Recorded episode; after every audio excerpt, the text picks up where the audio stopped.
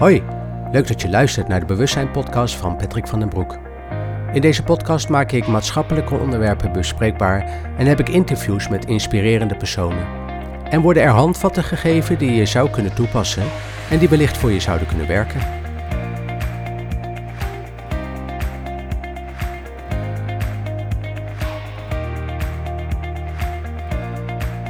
Ehm, de volgende vraag die ik zou willen stellen is: hoe helpt de ACT tool eigenlijk bij de bewustwording van het onbewuste?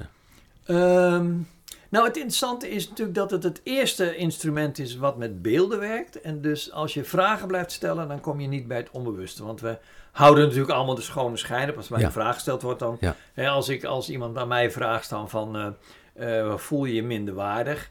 Dan begint er al een stukje irritatie te komen van minderwaardig, minderwaardig. Nee, natuurlijk voel ik me niet minderwaardig. Ik heb dat en dat en dat gedaan en bla bla bla. Maar feitelijk als ik een beeld kies... waarvan ik niet weet of het nou over die minderwaardigheid gaat of niet, dan heb ik onbewust, ik voel geen eh, onveiligheid door het stellen van de vraag. Dus ik kies vanuit mijn onbewuste, mijn intuïtie van ja, dit past het best bij me. Ja. Dat het beeld later blijkt te zijn dat het gaat over onbewust, eh, over eh, minderwaardigheid, Ja. minderwaardigheidscomplex en Ja. jezelf niet eh, in deze wereld thuis voelen. Ja, Dat besef je op dat moment niet, maar jij als mens beseft wel door dat beeld te kiezen. Ja. Dus dat beeld geeft als het ware een soort directe toegang tot voorbij je hoofd, voorbij wat je kan redeneren. Want je kunt het beeld niet beredeneren. nee.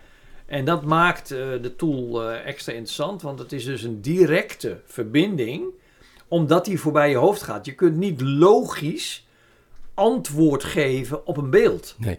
Je zult iets moeten, je zult iets met je gevoel, met je intuïtie, maar niet bewust.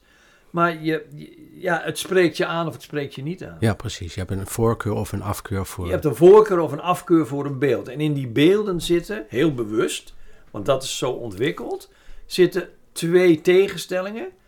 Of je bent meerderwaardig of je bent minderwaardig. En Ja. dat zit verhuld in het beeld. Ja. Dus zonder dat de deelnemer het weet, dat is ook de reden waarom die beelden niet worden uitgelegd op internet en zo. Nee.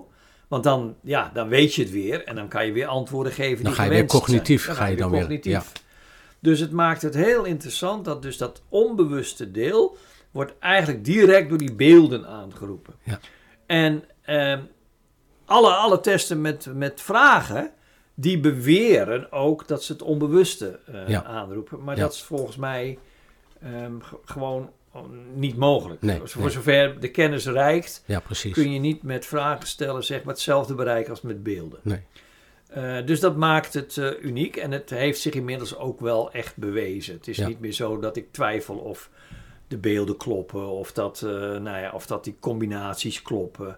Er is zo ontzettend veel bewijs en ook wel eh, indirect bewijs. Ehm, we hebben ACT in de burn-out. We kunnen met ACT burn-out meten en we hebben dat vergeleken met de officiële burn-out vanuit de wetenschappelijke kaders. Oh ja. Dus en omdat iedereen zegt van ACT, ACT is dat, eh, is dat wel bewezen, is dat wel eh, wetenschappelijk onderbouwd. Nou, dus daar heb ik op geantwoord door dat onderzoek te doen naar de officiële burn-out onderzoeken. Dus helemaal wetenschappelijk met alle statistiek erbij en er zijn enorm veel onderzoeken. En pilots te doen met ACT en te kijken hoe de correlatie is tussen burn-out gerelateerde informatie ten opzichte van het onderzoek. En daar zit een hoge correlatie tussen. Dus ik ben inmiddels wel eh, van overtuigd dat die beelden, want daar gaat het om, ook substantieel iets zeggen over het werkelijke ervaren van jou, eh, ja, van wie jij bent. Mooi. En dat maakt het dan eigenlijk gelijk ook wel weer een betrouwbare tool, omdat het vooral dat onbewuste wordt Ja, aangesproken. En, en, en, en eh, ik wil niet de fout maken dat ik in de wetenschappelijke kaders ga denken, doordat ik wil dat het eh, eh, feitelijk juist is en Nee, klopt nee, en de nee. waarheid is. nee, Niets is de waarheid. De waarheid is, is als ik ervaar uit de tool dat het mij een stapje verder helpt precies. in mijn werk, in mijn relatie met mezelf. En er zit natuurlijk een heel eh, merkwaardig fenomeen bij. Als ik een bril koop, dan ga ik door een apparaat kijken En dan zeg ik zelf of die scherper is of niet scherper is. Ja, precies. Iedereen accepteert dat. Ja, ja. De verzekeraars betalen zelfs ervoor. Nou, dan moet het wel, snap je? Ik bedoel, die betalen niet zo snel. Nee, nee. Dus in die zin wordt er ook weer met meerdere maten gemeten. Als ik zeg dat de ACT-tool bij mij goed gewerkt heeft, Ja, dan zegt een wetenschapper, toon het maar aan. ja. Als ik zeg dat deze bril voor mij het scherpst is, dan zegt niemand, toon dat maar aan. Nee. Want dat is wel een, dat is een objectieve ervaring. Ja, Dus, het is, he- dus er lopen een heleboel dingen door elkaar heen. ja. En, en daar wat meer duidelijkheid in scheppen, dat is wel handig. Mooi. Want ACT legt een verbinding tussen zeg maar de innerlijke delen die je hebt opgedaan eh, in je jeugd ergens. En dat komt door het gebruik van die beelden. Hm. Alle andere testen gebruiken geen beelden. Dan Nee. heb je woorden en die woorden kun je cognitief. Als je aan iemand een waarom-vraag stelt, dan gaat hij met zijn ogen vaak naar boven toe. Dan gaat hij nadenken. Proberen te herinneren. En of- dan ja. proberen om te formuleren en te Ja. herinneren. En, en zo krijg je eigenlijk altijd een cognitief antwoord. Ja, Terwijl eh, de beelden je eigenlijk veel meer intuïtief, maar eigenlijk ook nog dieper dan intuïtief aanspreken. ja, En dat maakt dat ACT, ehm, ja, ook door de, de, de honderdduizenden die het inmiddels gedaan hebben, ook eh, zeer gewaardeerd wordt vanwege het feit dat, de, dat er een enorme herkenning is Ja. op wat ze hebben neergelegd, zonder dat ze zich bewust waren van wat ze hebben neergelegd. Ja. Wat ze hebben gekozen in de meting. Ja. En dat maakt de meting bijzonder. En dat wist ik niet hoor. Toen ik eraan begon, vond ik het een heel mooi model, ook vanuit de kosmologie en, en vanuit leeftijden Ja. en, en, en, en samengesteld tot een mythologie zit er ook mythologie nog in. verwerkt. zit Ja. erin. Dus we hebben heel veel testen gedaan in die tijd. En, en toen hebben we hem verdeeld in lagen. Dus nu zitten er in ACT zitten er acht lagen. Hm. En ongeacht welke cliënt je hebt, je kan altijd aansluiten bij het niveau waarop die zit. En dan bedoel ik niet het intelligentieniveau. Nee, nee, precies. Dan bedoel ik het niveau van in hoeverre Wat wil dan? je Ja. weten en, en, en ehm, heb je minder barrières. Je kan niks doen aan de barrières. Er Nee, zijn mensen, nee. ik wil niks weten, ik ben eh, 43, ik Ja. leef zoals ik leef en eh, ik leer toch niks meer bij. Mijn karakter is nou eenmaal zo pats. Ja. Dat is te respecteren. Ja. Daar is de ruimte niet om zeg maar verder te kijken voor jezelf. Ja.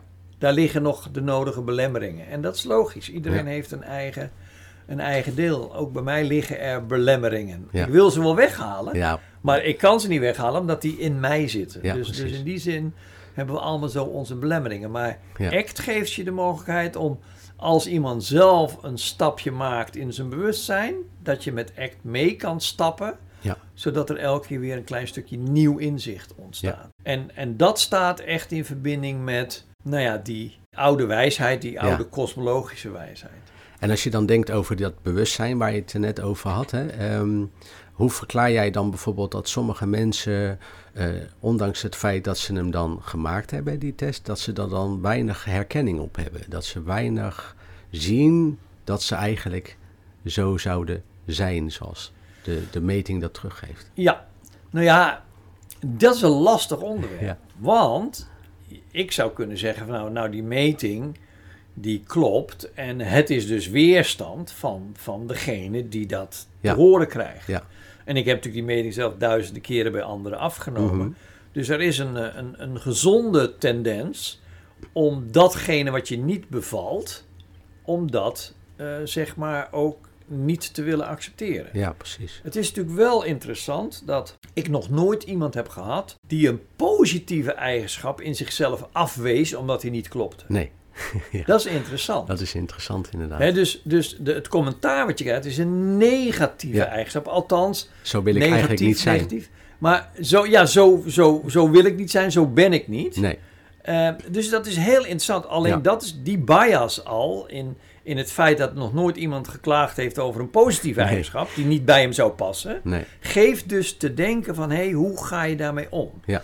Dus dat je niet gaat zeggen van, ik zie in de meting dat, dus je bent dat. Dat Nee, is precies. de grootste fout, is dat je namelijk zegt hoe het is. Ja. Nee, de cliënt zegt hoe hij dingen ervaart en jij kan hem daarin spiegelen om, hem, om te kijken of hij zich herkent in andere mogelijkheden waar hij misschien nog nooit aan gedacht heeft. Ja. Dus mensen die, die, die willen graag een soort status quo behouden en dat snap ik. Eh, wij, wij eh, hebben een leiderschapsbureau en we zien dat leiders, zeg maar, zeker als het succesvolle leiders zijn, feitelijk het succes belangrijker vinden dan hun eigen groei en ontwikkeling. Oh ja. En ze zijn bang dat als ze zich gaan verdiepen in zichzelf, dat ze die X-factor, Ja. Die, status dat ze magic hebben. deel, Ja. dat ze dat kwijtraken.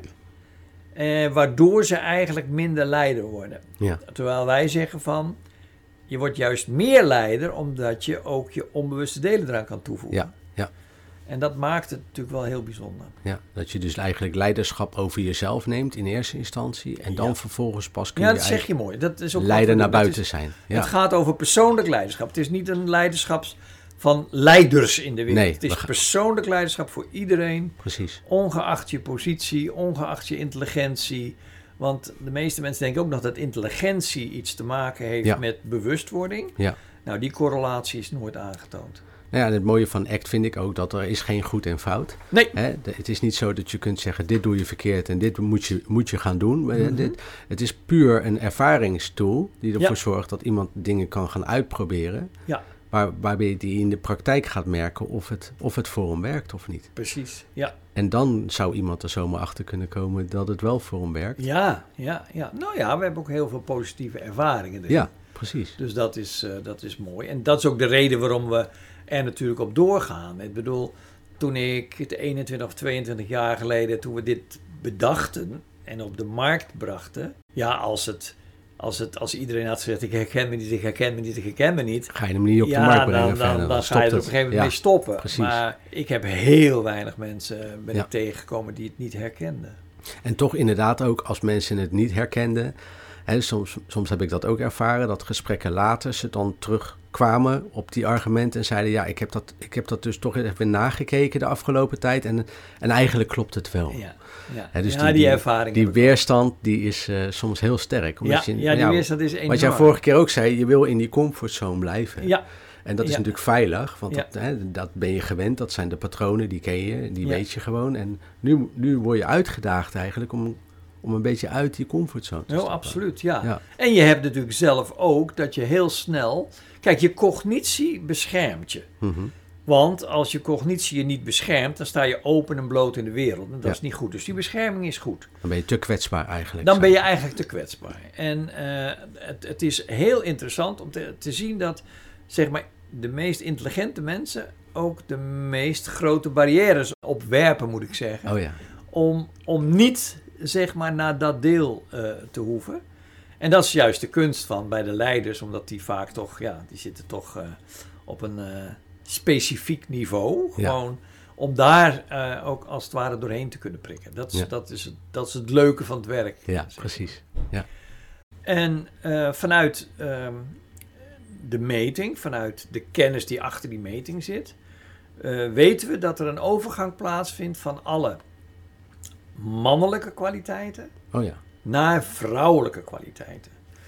Dus je, je gaat eigenlijk naar een hele andere fase in. Nou, waar die man, zeg maar, eh, gericht is, laat ik hem even plat maken. En nu maak ik hem wel even Ja, plat. De man ja. is gericht op oplossingen. En de vrouw is gericht op begrip. Ja. Dat is heel interessant, want in de meeste relaties komt de vrouw met een probleem. en de man reageert met een oplossing, maar ze wil begrip. Ja. Dus daar is altijd frictie tussen. Namelijk dat de man van nature niet geneigd is om begrip te tonen. Ehm, maar zeg maar rond je 36e eh, begint dat te veranderen.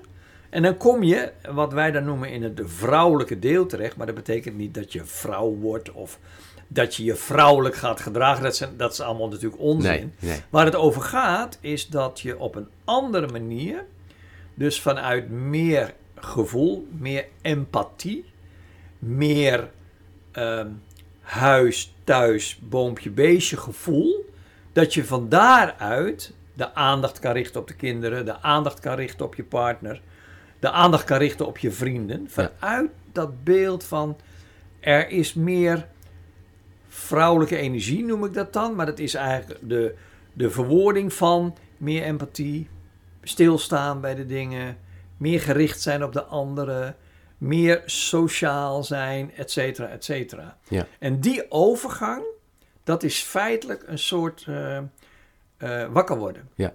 Dat is van, oh jongens, ik heb, nu, eh, ik heb er nu 40 jaar op zitten. Want het is natuurlijk niet scherp op 36 pas. Nee, ik word precies. jarig op mijn zes en nu gebeurt het. En nu nee, het is gebeurt natuurlijk Ja, de route waar je inloopt. ja, Dat je dan kan gaan denken, oké, ik ben nu hier gekomen, maar ik ga nu merken dat Ja. er andere dingen belangrijk zijn. Maar goed, dat, eh, zo, zo, ja, Ja. zo proberen we natuurlijk eh, meer zicht te krijgen op die psyche. Want dat wetenschappelijke deel, dat blijft wel bestaan. De methodieken die ze gebruiken, de hè, falsificeerbaarheid, et cetera, et cetera. Dat zijn elementen die we gewoon ook over moeten nemen. En Ja. ook moeten proberen om dat op die manier te doen.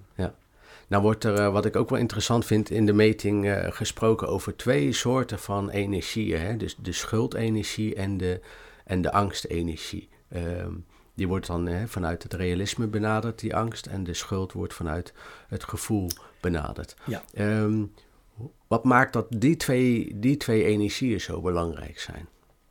Ja, dat zijn vanuit de beleving de twee hoofdenergieën waar langs eigenlijk alles gebeurt. Ik schrijf daar ook over in mijn boek. Ik heb zo- zo'n waaier gemaakt van schuld en ik heb een waaier gemaakt van eh, angst. En die waaier die geeft de uitingen weer van angst. En de, de waaier van schuld geeft die uitingen Ja, weer. ja. En dat is heel interessant, want eh, als je door zou vragen en je zou door kunnen vragen en door kunnen vragen en de, en de cliënt zou met je mee kunnen gaan, dan kom je altijd uit op de vraag: mag ik er wel zijn? Ja. Ongeacht eh, zeg maar welke route je loopt, Mhm. uiteindelijk is het diepste gevoel van mag ik er zijn? Heb ik een plek in deze wereld?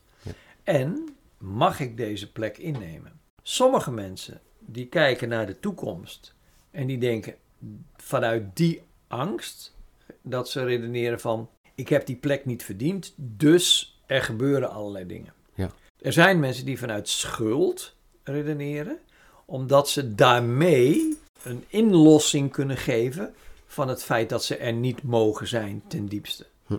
Dus het zijn twee, twee kanten van dezelfde medaille. Ja. Mag ik er wel zijn? Ja, ja, ja. En de angst ligt altijd in de toekomst en de schuld ligt altijd in het verleden. Ja.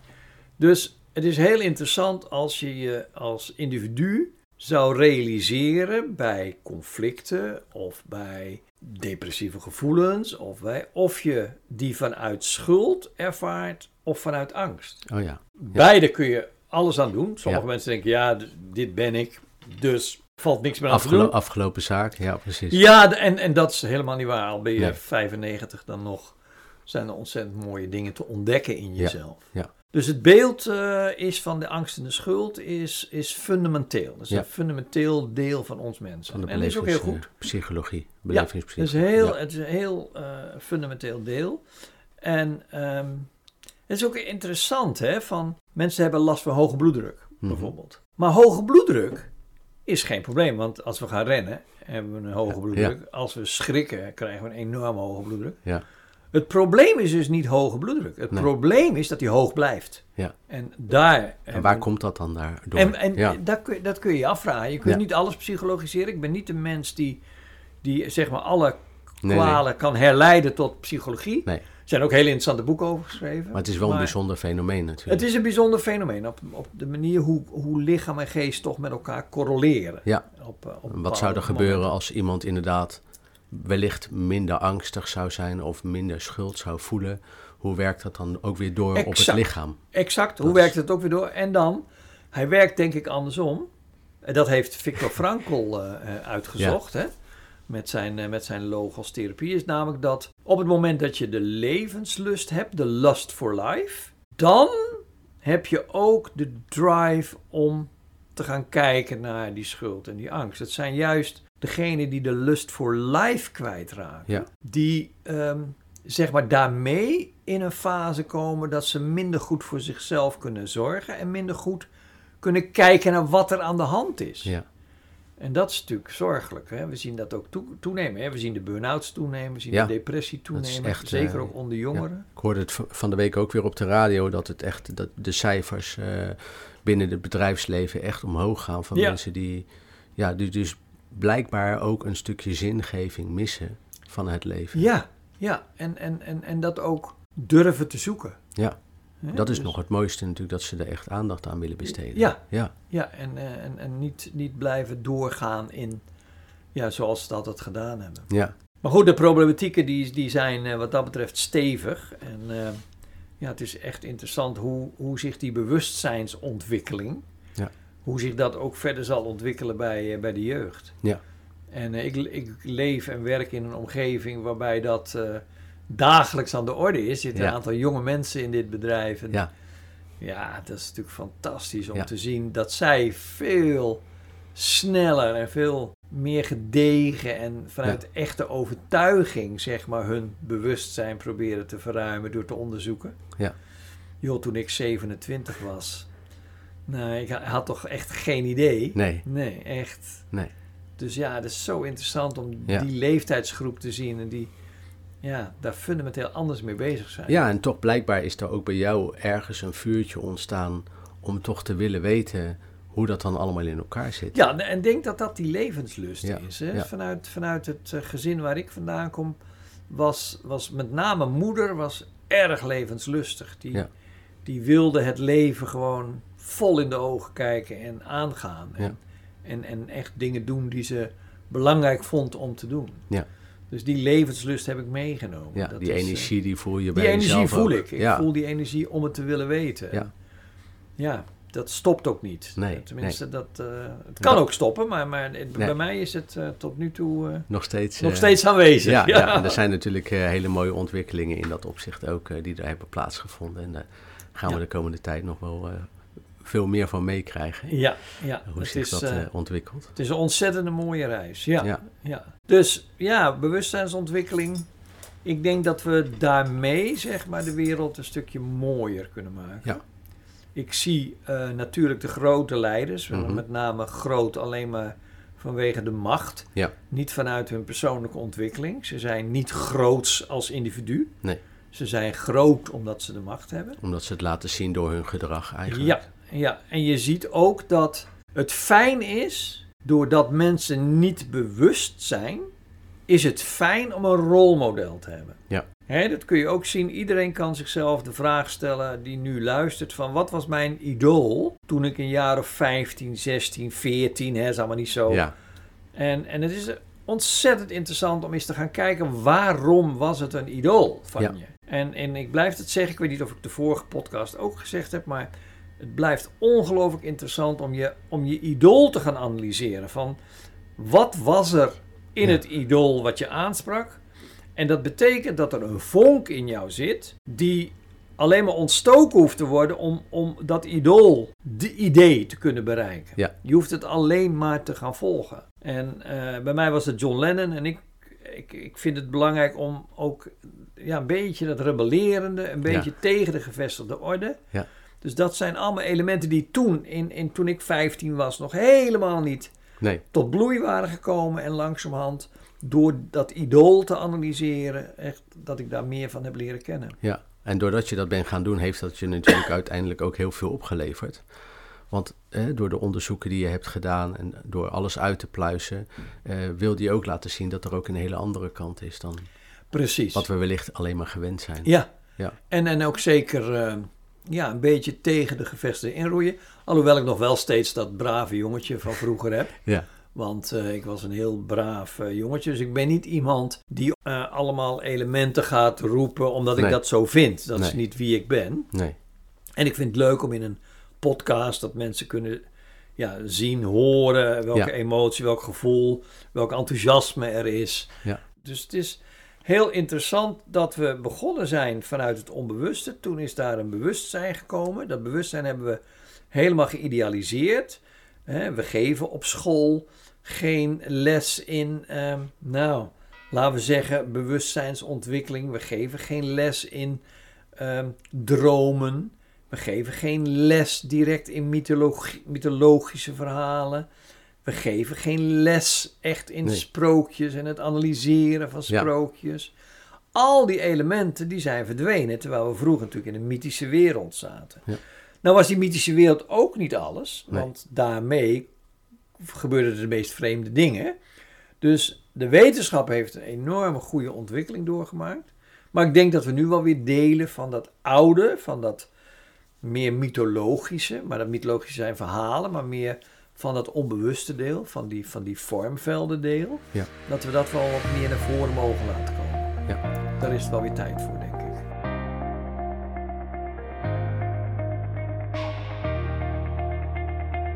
Dankjewel voor het luisteren naar deze podcast.